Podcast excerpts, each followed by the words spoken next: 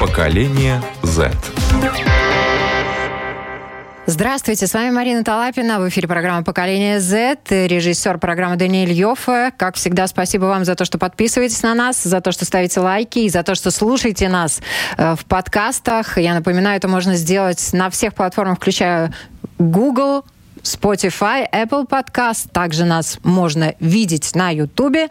Нас можно слышать и видеть на нашем любимом сайте lr4.lv. И, конечно, нас можно найти в Фейсбуке, в Инстаграме. Вообще, короче, нажимайте, смотрите, слушайте, пишите. Мы всегда рады.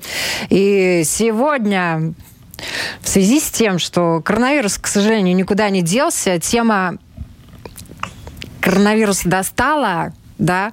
Но вот тема вакцинации, она вызывает э, борьбу, баталии, споры, и мы сегодня будем говорить именно об этом. Тема нашей программы называется «Я уколов не боюсь». И у нас сегодня батл вакцинированные против невакцинированных. Я рада представить э, Всеволод Барков. Привет. Добрый день. Леонард Теснов. Всем привет. Лаура Фелдмана. Здравствуйте. И Анжелика Мария Зуба. Всем привет! А, вакцинирован или не вакцинирован? Давайте сами рассказывайте. А, вакцинировались, не вакцинировались, и почему вы это сделали или не сделали. Девчонки, начнем с вас. Анжелика.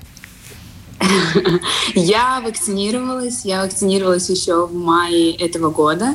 Я вакцинировалась, потому что я считаю, что, что это единственный способ вернуться к нашей жизни до пандемии — и это, наверное, единственный способ, чтобы э, это, этот вирус не распространялся дальше в таком объеме, и чтобы хотя бы на какой-то процент э, быть э, в безопасности. Э, в безопасности в обществе э, и чувствовать себя хорошо. Лаура? А, я не вакцинирована, и у меня есть на то несколько причин причин. Во-первых, это то, что вакцину, на мой взгляд, очень навязывают, и из-за этого у меня появляются еще большие сомнения. А, во-вторых, я считаю то, что а, в вакцине нет смысла, ну так как такового, потому что вакцинированные тоже болеют, хоть не так много, как э, не вакцинированные, но все равно по тем данным, которые я смотрела, там э, каждый день чуть ли не пятая часть от всего количества это вакцинированные люди болеют. Ну и в-третьих, это то, что, э, возможно, эта вакцина нужна тем, кто как-то серьезно болеет, у кого э, проблемы с диабетом или с дыхательными путями. Но мы, как молодые, сильные подростки, я считаю, что наш иммунитет сам должен справиться. Если вдруг что, то у него найдутся на это силы. Вот.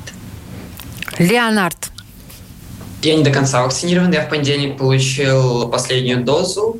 А, и я так долго задержался с вакцинацией из-за того, что родители были против. И только сейчас это получилось сделать спокойно, без э, разногласий особых. И, я вакци... и мое желание вакцинироваться было обосновано, во-первых, предотвратить распространение, во-вторых, обезопасить себя. И универ еще этого требовал. По сути, вот так. А родители тоже вакцинировались или они просто сказали, все, иди, ладно, вакцинируйся? А, мама вынуждена из-за работы, и она вакцинировалась в субботу буквально. А папа и брат не вакцинированы, и они против этого. А бабушка? А бабушка, когда мы шли вакцинироваться, она встретилась там в очереди с врачом, они пообсуждали это, и она определилась точно, что она вакцинируется, и она съездила за документами и сразу же в этот же день, через часа два, поехала сама вакцинироваться. То есть вы с бабушкой команда, как обычно, да? Ну да. Все вот. И я не вакцинированный, и пока колоть себя непонятную вещь не собираюсь, потому что неизвестно, какие последствия она будет вести после себя. То есть, возможно, у девушек... Вот, знаете, можно даже пример перевести. Вот делали же прививку от рака шейхи матки, а потом оказалось то, что она вызывает бесплодие у женщин. То есть, как бы я как-то скептически к этому отношусь, хоть у меня есть некая сезонная астма, но все равно я вакцинироваться не собираюсь. Ну, вот э, по поводу всяких разных слухов и мифов, которые, с одной стороны, отпугивают, но с другой стороны, есть какие-то вещи обоснованные, да, которые рождают страхи. Можно говорить и говорить и говорить, и э, вот э, э, ребят, которые сделали прививку, как вы себя чувствовали после прививки непосредственно? Как вы саму вакцину перенесли? Ну, я перенесла вакцину, наверное, очень легко э, среди э, случаев, которые я знаю, потому что мне рассказывали, там кто-то падал в оморок. Э, среди моего окружения такого нету. У меня большинство друзей вакцинированных, и я перенесла так, что у меня просто болела рука, у меня после второй вакцины была температура небольшая, но при этом я бегала, прыгала и чувствовала себя отлично. И после, и через день, и в день, и через неделю, и уже почти через полгода все отлично. Лео, как ты? А, первая доза у меня просто рука поболела, а вторая я просто был уставший и пошел спать раньше. В принципе, вся разница. Угу. Ничего такого не было, даже температура не поднялась. Но ты упомянул, что, в принципе, потребовало высшее учебное заведение, в которое ты поступил, чтобы ты, если хочешь учиться очно, вакцинировался, да? Ребята, вот, которые не вакцинировались, а Лаура, все, вот, ваши учебные заведения не требовали этого? Вы просто каждый, каждую неделю тестируетесь, да, для того, чтобы ходить и учиться очно? Лаурочка, рассказывай. Мой универ, э, он очень лояльно подошел, и сейчас он разрешил нам учиться дистанционно, потому что у нас такая специфика, что, в принципе, все знания можно спокойно получить, э, находясь дома. Это не медики, да, которым все нужно на практике все-таки э, стараться воспринимать. А вот. Но, опять-таки, все будут смотреть с октября, потому что у нас повторно спрашивали уже, кто вакцинирован, кто не вакцинирован. И, конечно, будут смотреть на эпидемиологическую ситуацию и принимать решение, что с нами делать. Ну да, потому что многие университеты это двойная нагрузка для преподавателей. Преподавать э, в одно и то же время ребятам э, в, непосредственно в аудитории и онлайн. Да, это тяжеловато. Все вот как у тебя? Ну, у нас никто не заставляет как бы и не агитирует делать вакцину. Нам просто у вакцинированных в техникуме есть некие, так скажем, привилегии не носить маски только в кабинете. То есть все равно, когда выходишь в коридор, надо носить маску, когда выходишь там в туалет или в столовую, надо носить маску, то есть только в кабинете. Как, бы, как преподаватель у вас вакцинированы, не вакцинированные? Ну, я не знаю точно, но кто носит маски, кто нет, я так понимаю. То есть ну, половина может вакцинирована. В ваших учебных заведениях у меня такая ситуация, что мой универ на эту программу предпочел именно очное обучение, поэтому вот два месяца я, месяц, по сути, я с тестами ходил, потому что у меня на тот момент не было прививки, и это, во-первых, не дешево обходится, потому что когда иногда может быть произойти такая ситуация, что тест еще не пришел к началу уроков, и ты просто такой, а что мне дальше делать? И это не очень приятно. А большинство учителей привиты, и большинство учащихся тоже. У нас, мне кажется, только один лектор не привит. Только я не знаю, что будем делать дальше. Девочки, Лаура, как у вас? Э, я не знаю, кто у нас привит, кто не привит, э, потому что мы учимся дома, и там уже То все в принципе, уже не важно, да? Привит да. или не привит, мы все равно дистанционно видимся только через экран компьютера. Анжелик. Ну, я сейчас нахожусь на волонтерском проекте в Германии, и все тренера, которые работают э, и которые с нами контактируют, они все привиты. Все, 16, э, все 20 студентов из 16 стран, э, кроме одного человека, привиты. И этот один человек, у него он не полностью прошел курс. Поэтому, да. По сообщению ТАСС.ру, кстати, интересно, Израиль, являющийся мировым лидером по уровню вакцинации, начал делать прививки от коронавируса подросткам 12-15 лет еще в июне этого года. И за первую неделю вакцина была введена 40%. Э, То есть 4 из 10 человек в возрасте от 12 до 19 лет, а от 12 до 16 лет прививку получили 100 тысяч подростков. А, в Сингапуре, где с 11 июня разрешили делать прививку 12-летним подросткам, примерно 80% юношей и девушек от 12 до 19 лет либо сразу сделали первую прививку, либо зарегистрировались на первую прививку. И в США в августе уже были привиты свыше 10 миллионов подростков. Ну, там, конечно, большая страна, да, но вот э, вообще то, что касается самого заболевания, Всемирная организация здравоохранения сообщает, что на детей в возрасте до 19 лет э, приходится около 10% случаев заболевания, да, то есть 10%, каждый десятый из заболевших – это подросток до 19 лет. Вы боитесь вообще заболеть?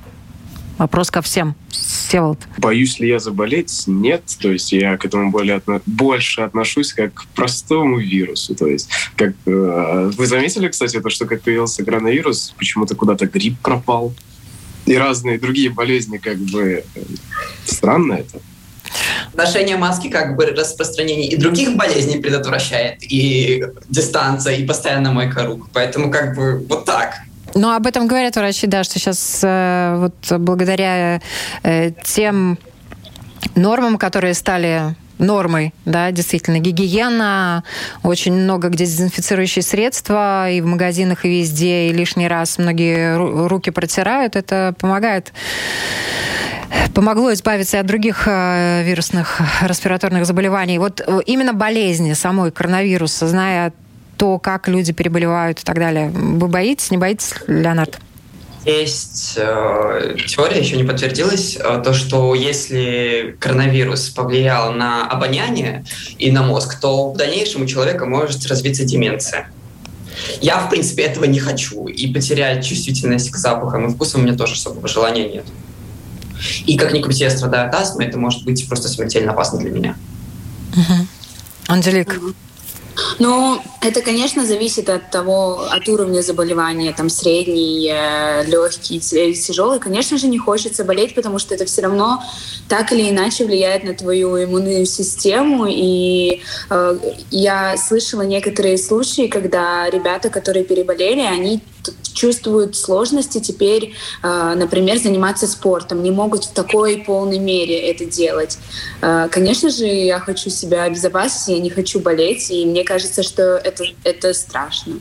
А как в Германии относятся и к прививкам именно подростков, детей, да, и к заболеванию?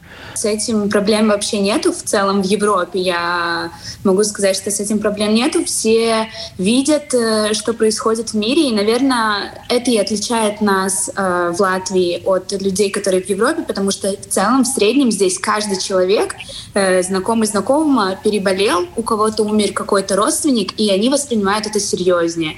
У меня очень много друзей, которые бежали, стояли стояли в очередях по несколько часов, чтобы получить хотя бы какую-то вакцину. Не имея в виду, что ты можешь выбирать какую-то, или ты можешь записаться, выбрать место, э, место где ты хочешь сделать вакцину.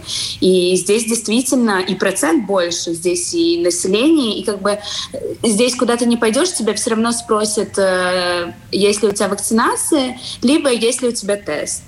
Э, но в целом здесь мне кажется, 90% людей, которых я встретила, это люди уже с сертификатом. И они чувствуют себя безопасности, и меры, которые сейчас в Германии, они становятся легче и легче с каждым днем, только потому что процент людей уже, которые э, переболели и которые болеют, и как вирус распространяется, ниже. Угу. Ну и вакцинированных, соответственно, больше, правильно? Конечно, конечно, угу. да. Лаура, ты боишься вот этого заболевания? Э, у меня лично сейчас несколько подружек заболело, даже подружки, которые были вакцинированы. И, и у меня уже было ну, было такое предложение, как пойти с ними чай попить, да, чтобы уже, как бы, может быть, там переболеть, они еще в легкой форме болели, э, и уже получить этот сертификат, хоть он там на полгода, да, но вот, был такой вариант, но меня не отпустили родители. Сказали, не надо лишний раз провоцировать и все-таки... Э, рисковать что... здоровьем. Да, да. да. Но я не боюсь переболеть, потому что я уверена в своем иммунитете, э, потому что я, в принципе, не болею. Но тут, видишь, иммунологи очень много говорят о том, что этот вирус, он э, Э, вне закона, который приписывают всем вирусам, он действует, э, как ему вздумается, штаммы работают абсолютно непредсказуемо, и неважно, если у человека хороший иммунитет, если не хороший иммунитет, на иммунную систему действует таким образом, что иммунная система здорового человека, она как с ума сходит, да, поэтому, ну, последствия, реакция организма может быть абсолютно непредсказуемой. Об этом говорят и говорят ученые, а вот, ну, твои родители привиты, что они, они тебе советовали прививаться или не прививаться? Мои родители, они пока что воздерживаются прививок.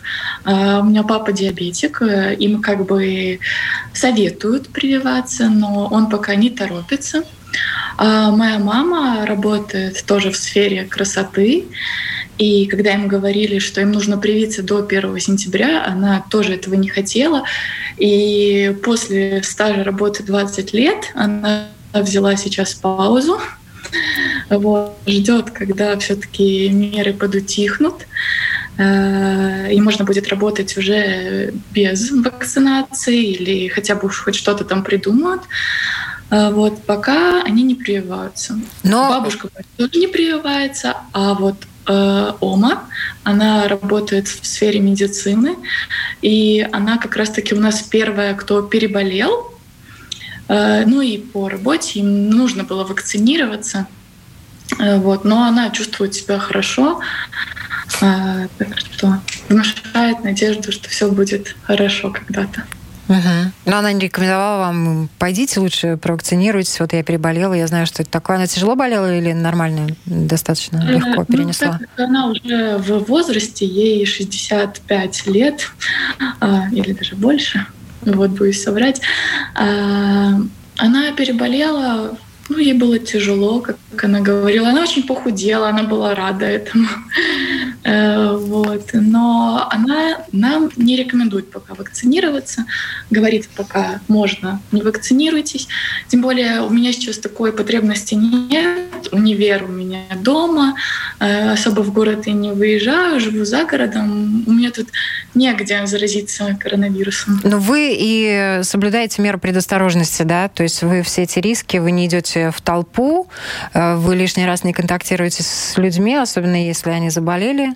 естественно, да, то есть все равно вы меры предосторожности соблюдаете. Вы уже упомянули о том, что кто-то из ваших болел близких, да, а вот именно подростки, ребята вашего возраста, кто-то болел, как они переносили, Лаура, ты начала про девочек своих рассказывать, были какие-то тяжелые случаи среди ваших знакомых, среди знакомых знакомых, может быть? Был один случай как раз-таки у моей подружки, которая вакцинировалась, она заболела, э, и она заразила всю семью потому что они живут как бы в одном доме, и это логично. Они все э, были вакцинированы?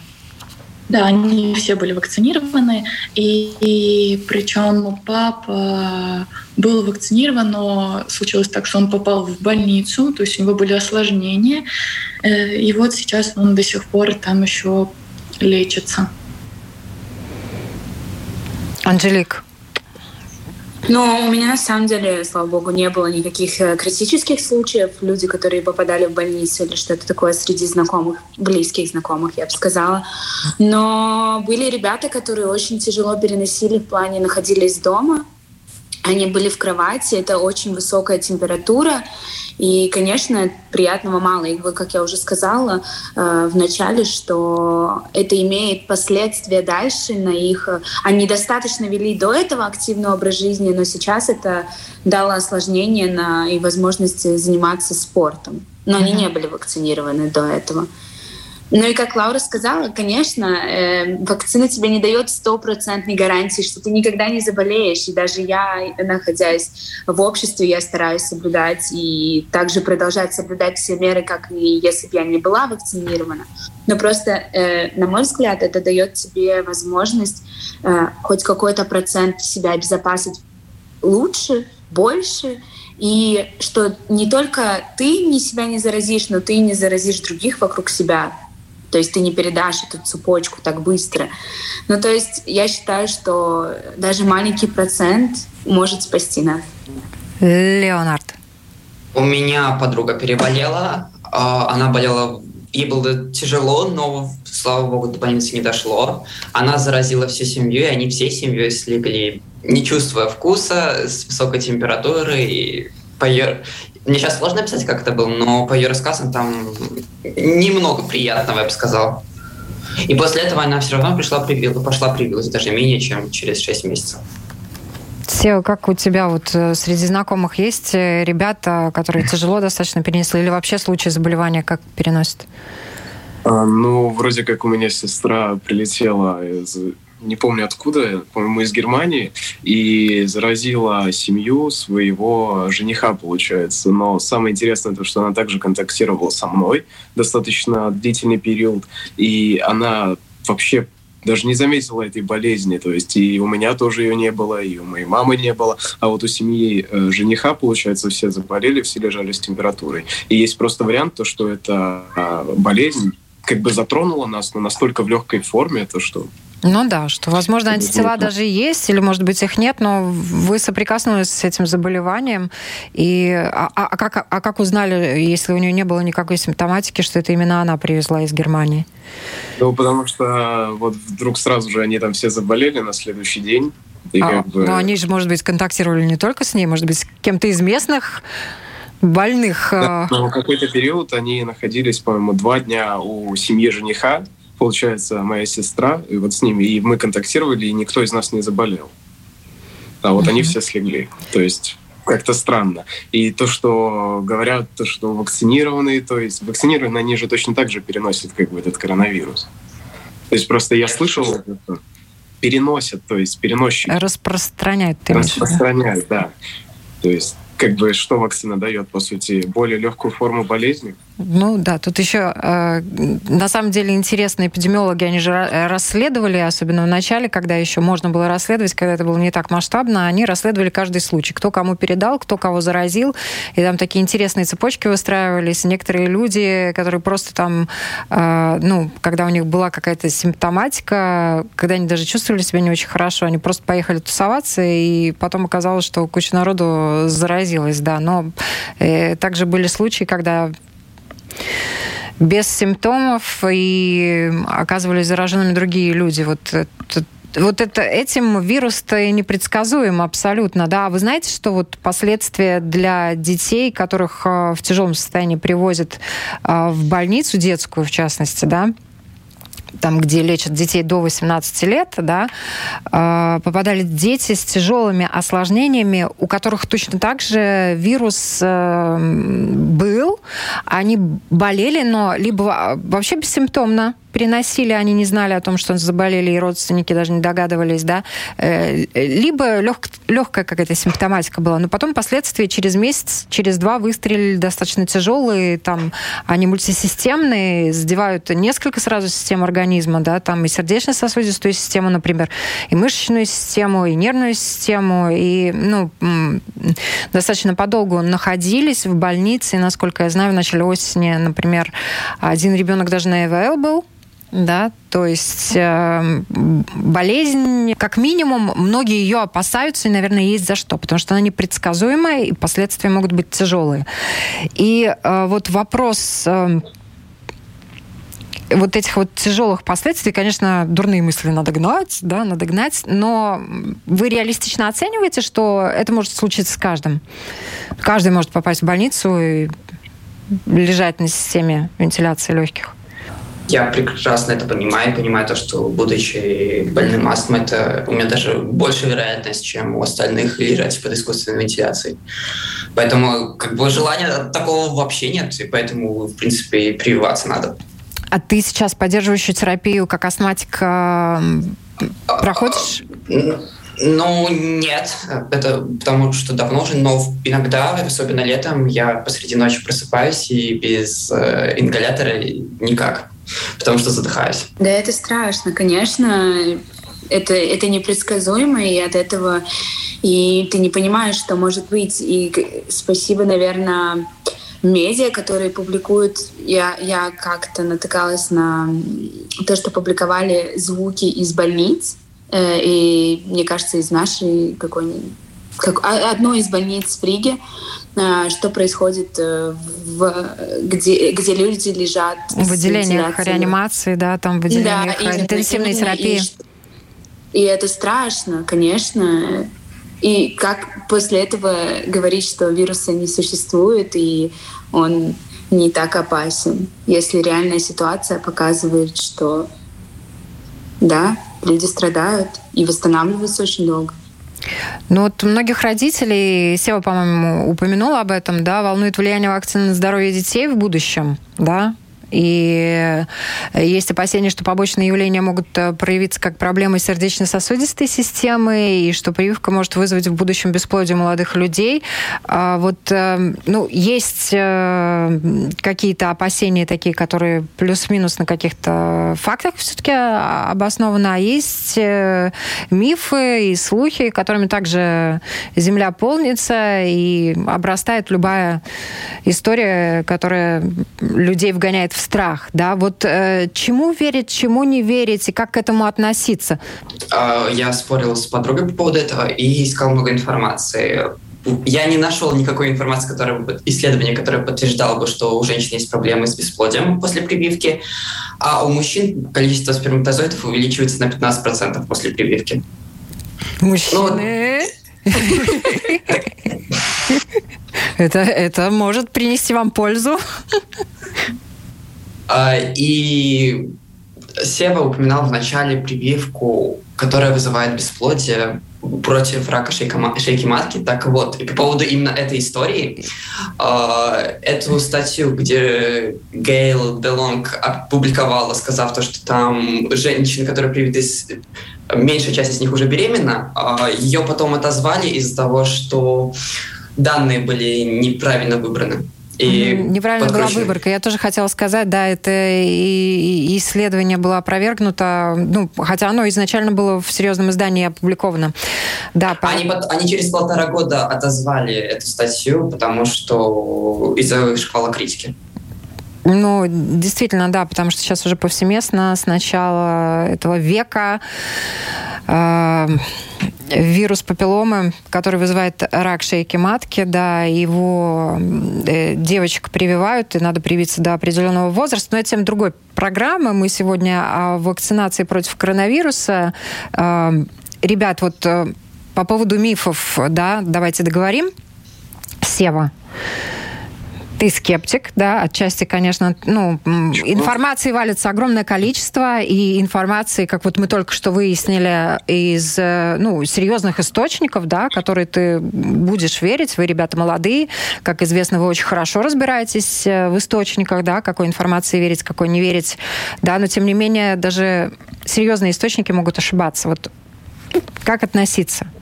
Верить на, свое, на свое усмотрение, то есть а, Пускай девчонки ага. рассказывают свое мнение. Хорошо. По поводу мифов, не мифов. По поводу информации. Как к ней относиться, Лаура? Ну, я тоже немного скептична.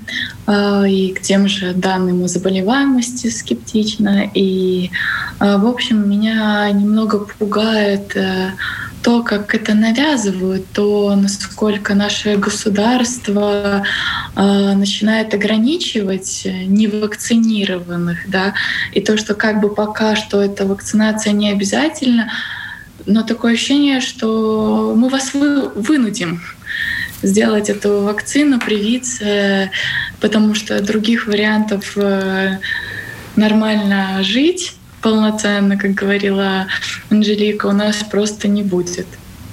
Но это такой этический момент, да, который действительно вызывает споры и э, ну, такую реакцию, может быть, даже нормальную, да, человека, которому, ну, которому, которому не говорят, если хочешь, прививайся, если не хочешь, не прививайся, а которому говорят, если хочешь или не хочешь, прививайся, да, ну, Тут, наверное, есть о чем поговорить тоже, да.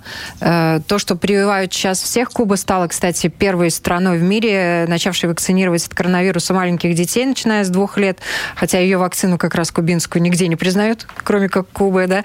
Вот. А во многих других странах ЕС продолжают вакцинацию детей с 12 лет.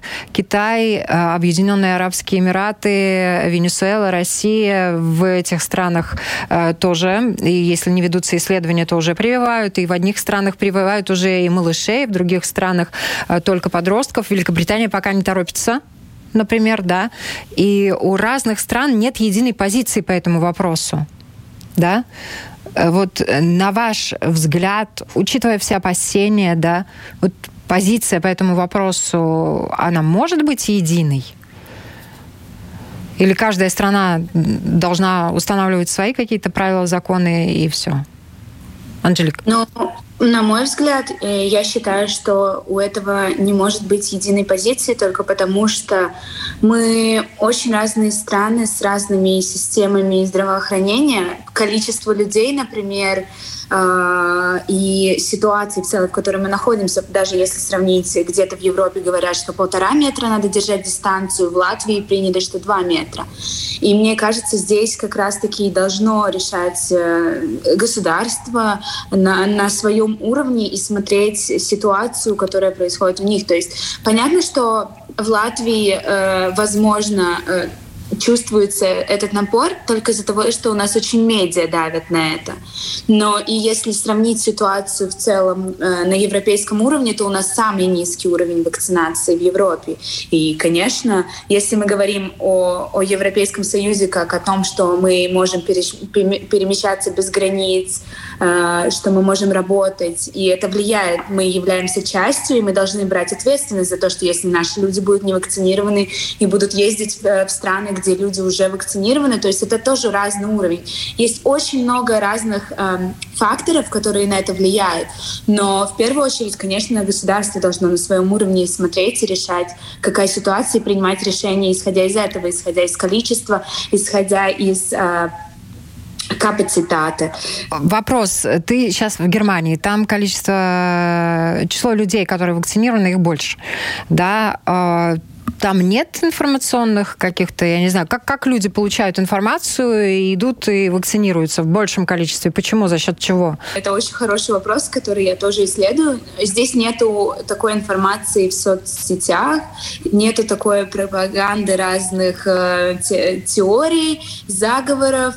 Мне кажется, из-за того, что вот у нас очень много потоков информации там с Америки, не знаю, с Европы, с России, вот это, это избывает это избивает. У нас маленькое государство, и у нас очень много информации. И столько потока информации, что люди критически не умеют не умеют оценивать э, этот поток информации. И появляются сразу же всякие теории, заговоры, что нас хотят убить, э, эти золото, золотой миллион или сколько миллиард там был.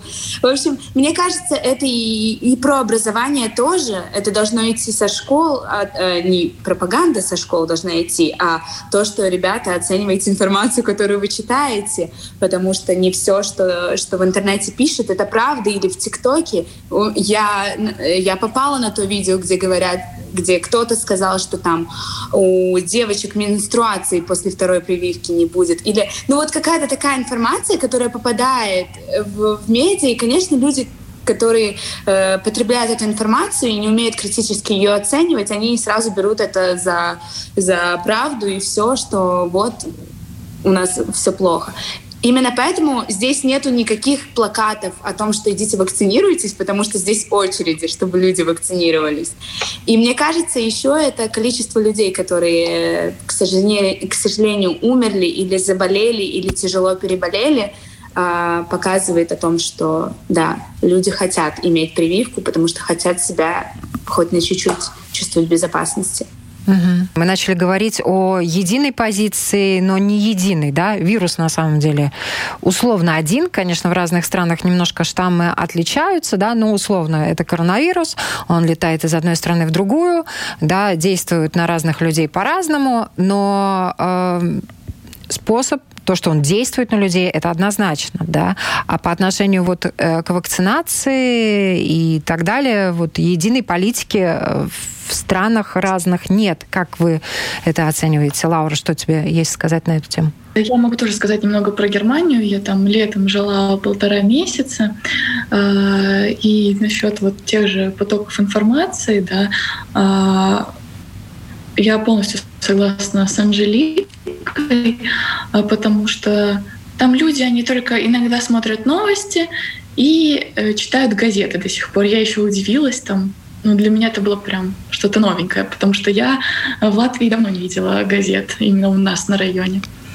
А, вот. А насчет э, стран, э, конечно, у нас больше поток информации, и э, нужно анализировать. Например, вот было тоже видео или что-то такое. Я видела то, что э, собираются людей в Латвии тут чипировать, и место вакцинации там магнитится, всякие там монетки прилипают. И это было так немного забавно. Я быстренько вставлю. У меня друзья, семья друзей сделали, все сделали вот этот эксперимент с магнитиком, да, и у невакцинированных он прилипал, у вакцинированных не прилипал, и наоборот э, точно так же, да, то есть это, конечно, такая смешная история. Да мужское мнение на тему единой позиции во всех странах, хотя бы ЕС, да, по поводу вакцинации. В одних странах, опять же, подростков начали прививать, в других притормозили, там детей младшего школьного возраста тоже хотят, где-то уже вот на Кубе начали. Ну, Куба далеко, а вот э, в Латвии тоже хотят маленьких детей начать прививать. Вот вообще к единой позиции, не единой, как вы относитесь, Лео? А, по поводу позиции в ЕС, у нас же ковид-сертификат, он общий для Европейского Союза, его стандарт одобрен ЕС. То есть, чтобы, то есть э, если ковид-сертификат у тебя уже есть, он действует во всех европейских странах. Поэтому не вижу здесь собой проблем, потому что мы все прививаемся одними и тем же вакцинами. А поэтому как путешествовать можно спокойно. А по поводу других стран, я считаю, что надо им хотя бы договориться принимать э, вакцины, одобренные ВОЗом. Потому что я знаю эти случаи, когда э, семья, э, там кто-то из родственников остался в Беларуси, э, а семья переехала в Литву жить. И они просто не могут воссоединиться, потому что в Беларуси не, при, не, не прививают вакцинами, которые прививают в ЕС раз ситуация. И это ужасно. Да, и потом есть э, люди, которые там приехали из России здесь, э, им надо находиться какое-то время, они вакцинированы спутником, например, да, но здесь э, им везде надо делать дополнительные тесты, и, и то, что они вакцинированы, вообще никто не берет во внимание, хотя, ну, я не знаю, взаимозачет по этим вопросам, казалось бы, могли бы признать, да, пускай, да, не вакцинированы тем, что здесь, но признана вакцина. Но она не признана в ЕС, поэтому не признана в Латвии в том числе. Да? Сева, твое мнение по поводу единой и не единой позиции?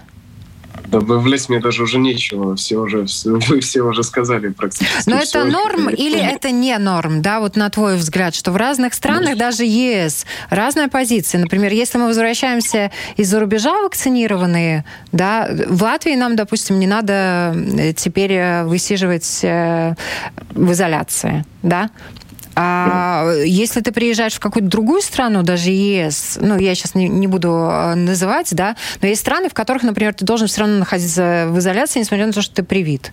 Да, то есть, э, ну, даже вот такие нюансы, они различаются. Потом COVID-пас, э, казалось бы, единый, но тебе все равно каждый раз, пересекая границу, надо заполнять анкеты той страны, в которую ты приезжаешь. Да, и это такое большое неудобство на самом деле, особенно для пожилых людей, которые едут э, в другую страну. Ты привит, да, у тебя все есть, ты сделал даже тест потому что только то, что ты привит, этого недостаточно. Но помимо всего прочего, ты должен еще э, обязательно заполнить э, документы. Да, как бы активизировать свой этот ковид-пас на территории другой страны. Хотя вроде бы он единый. И прививки сколько людей, столько, сколько да. людей, столько и мнений. То есть, ну, я считаю, что это нормально. Можно было бы как-то в Евросоюзе там договориться, чтобы это как-то все... Не знаю даже, как это сформулировать замять, что ли, и сделать просто некие вакцины, которые были бы приняты везде абсолютно. Они приняты везде, они одинаковые ну, везде, в том-то все и дело, да, что ковид-пас э, получается везде, да не везде. Да, вот я думаю, что Анжелике есть что на эту тему сказать. Э, да, насчет путешествий или и насчет путешествий, и насчет вот, ну, единой, не единой позиции. Мне кажется, ты можешь что-нибудь интересное добавить по поводу договариваться. Почему не удается договориться и единой какой-то такой позиции, правил для всех стран одинаковых выработать? Потому что, например, тесты на мероприятия – это одна история, цены на эти тесты – это другая история. И во всех да. странах, и даже в одной стране они могут отличаться чуть ли не в два, не в три раза. Да, но мне кажется, что это лишь вопрос времени, потому что я думаю, что и в начале пандемии никто не знал, что у нас будет единый сертификат, который нам поможет э, потом путешествовать внутри Евросоюза. То есть это такой вопрос, э, мне кажется, все еще времени о том, что как мы договариваемся и, и что мы решаем. Конечно, это сложно решить на уровне, какие правила вводить э, дополнительные, как обезопасить, э, но в целом я считаю, что по каким-то вопросам глобальным глобальным по принятию вакцин, нам нужно иметь единое мнение все-таки. Но какие-то дополнительные детали, допустим, можно придумать единую систему, как вы пускаете людей э, в страну, а не каждый раз заполнять каждую страну, потому что сколько я путешествовала за последнее время, это действительно усложняет форма, как это выглядит, так еще и вопросы, которые тебя спрашивают. То есть это каждый раз сюрприз. Э, и ты не... Каждая страна свое что-то приводит. То есть я считаю, что должны... Это вопрос времени, в первую очередь. Второе, э, по каким-то вопросам мы все-таки должны прийти к единому консенсусу хотя бы на уровне ЕС. И третье, да, могут быть какие-то исключения, но разумные. Резюмируем. Вакцинированные против невакцинированных. Слава богу, у нас э, мы достаточно толерантные. Вакцинированные толерантны к невакцинированным. Я надеюсь, у нас в стране невакцинированные толерантно. Анжелика говорит, нет, да? Да я, я толерант, я поддерживаю. Я считаю, что правда это действительно выбор каждого, вакцинироваться или нет. Э, вы можете выбирать. Просто, ребята, давайте верить в технологию, верить в числа, которые показывают, и надеяться, что это может закончиться совсем скоро, если мы все будем подходить к этому разумно и оценивать не только свое здоровье и свои риски, но и думать о, людей, о людях вокруг нас. Лео, давай, подхватывай. Вакцинированный. А, Ты толерантен к невакцинированным? Есть случаи, когда люди не могут просто привиться по медицинским показателям, и я считаю, что тем прививаться не стоит либо прививаться там буквально и сидеть постоянно в больнице. А, а, но, но когда люди просто не верят информации и сходятся на теории заговора, я считаю, то, что людям стоит провести свое исследование и прийти к выводу, наверное, все же, что, вакцина, что вакцинация несет больше плюсов, если смотреть на цифры. Потому что все, кто против вакцины, они обычно приводят факт от того, что слишком мало пришло времени, чтобы сказать, э, что, что будет. Но на самом деле, если почитать инструкцию к вакцине, там написаны такие побочки, про которые они даже не знают. А ты чувствуешь это напряжение между вакцинированными и невакцинированными в нашем обществе? Есть оно, нет? Я последний был, кто не вакцинировался, хоть я, хоть я был за вакцину и всех э, подталкивал на вакцинацию, поэтому мне сложно сказать. Я с теми, кто против вакцины, почти не общаюсь. Ну, я думаю, что ну, ребята либо, не вакцинированные точно знают э, по отношению к ним, как вакцинированные относятся. Лаура. Э, я считаю, что если раньше может быть, в Латвии делили на нацию, русский или латыш, что сейчас все активно делят на вакцинирован или не вакцинирован. И все таки мое мнение, что вакцинация должна остаться добровольной, а, и чтобы от этого все-таки не страдала настолько наша повседневная жизнь. Э, меры осторожности нужно принимать и следить за этим, э, но выбор должен оставаться за каждым человеком. Сева? Ставь красивую точку в нашей программе. Ну, то, что толерантность, она я даже никогда не замечал, как вакцинированный как-то пагубно или негативно относился к невакцинированным. То есть все я нормально, даже, слава как... богу, все нормально. Никогда с таким не сталкивался и даже не замечал такого отношения. То есть, когда вот русские латыши, да, они часто вздорят, а вот вакцинированные нет, не замечал.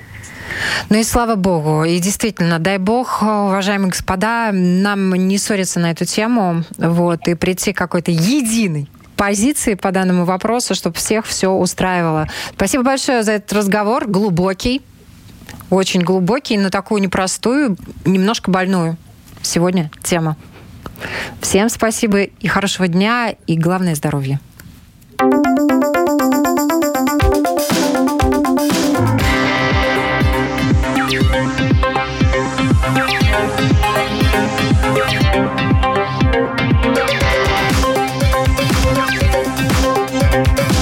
Поколение Z.